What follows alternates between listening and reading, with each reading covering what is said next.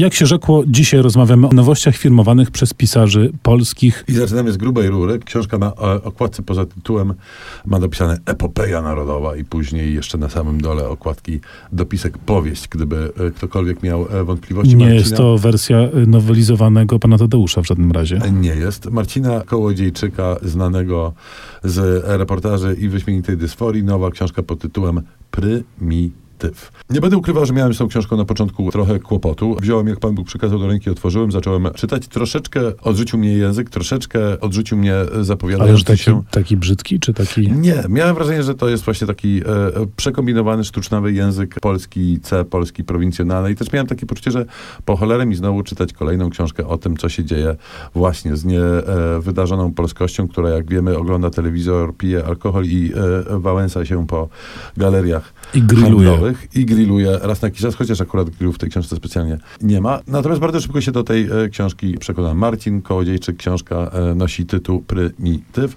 Dzieje się przede wszystkim w tej gorszej części Warszawy, czyli Praga i okolice i rzeczywiście opowiada o ludziach z peryferii rzeczywistości. Książka niezwykle aktualna, gdyż pojawiają się tutaj pod pseudonimami różni politycy i różne partie rządzące i różne opozycje totalnie protestujące.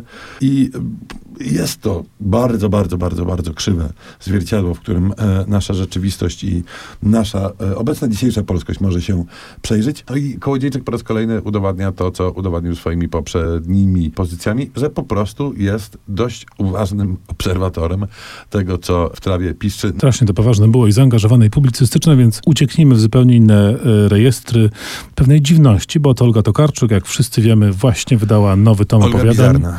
Opowiadania bizarne się nazywają. Słowo bizarne jak dotąd nie funkcjonowało w polskich słownikach, ale rozumiemy oczywiście, że pochodzi czy to z francuszczyzny, czy to z angielszczyzny, czy z innego języka. Oznaczać ma po prostu opowiadania dziwne, dziwaczne, ale sama dziwaczność jest dziwaczna.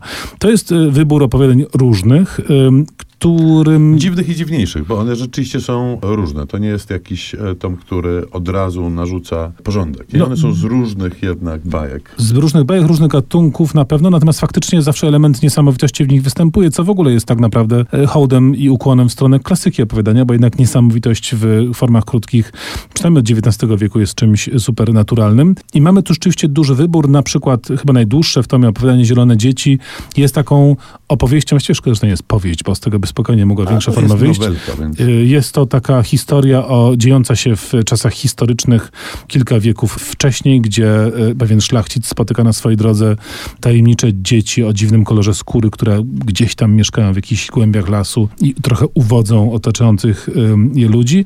Ale mamy też historie współczesne o takim technologicznym posmaku, no to się y, kojarzy licznym recenzentom, ale i mnie jako czytelnikowi y, z popularnym serialem Czarne Lustro, Black Mirror, gdzie rzeczywiście takie ponure Tak, no, przewidywania antyutopijne. Ewidentnie autorka serial zna i oglądała. No w każdym razie, znaczy wiesz, no serial też y, skąd się wziął i tak naprawdę nawiązuje do po prostu takich antyutopijnych nastrojów, które dzisiaj y, dość powszechnie panują. Po ogromnej, grubej powieści dostajemy wybór form krótkich. Ogromną przyjemność, e, ogromną i, i chyba większą niż w wypadku powieści. Sprawia mi lektura e, opowiadań Tokarczuk, które jakoś mam wrażenie na dłużej w ogóle ze mną zostają niż jej powieści. No ale zostawmy opowiadania, y, posłuchajmy muzyki, a będzie to Anna Jurksztowicz z filmu King Size Zmysły Precz.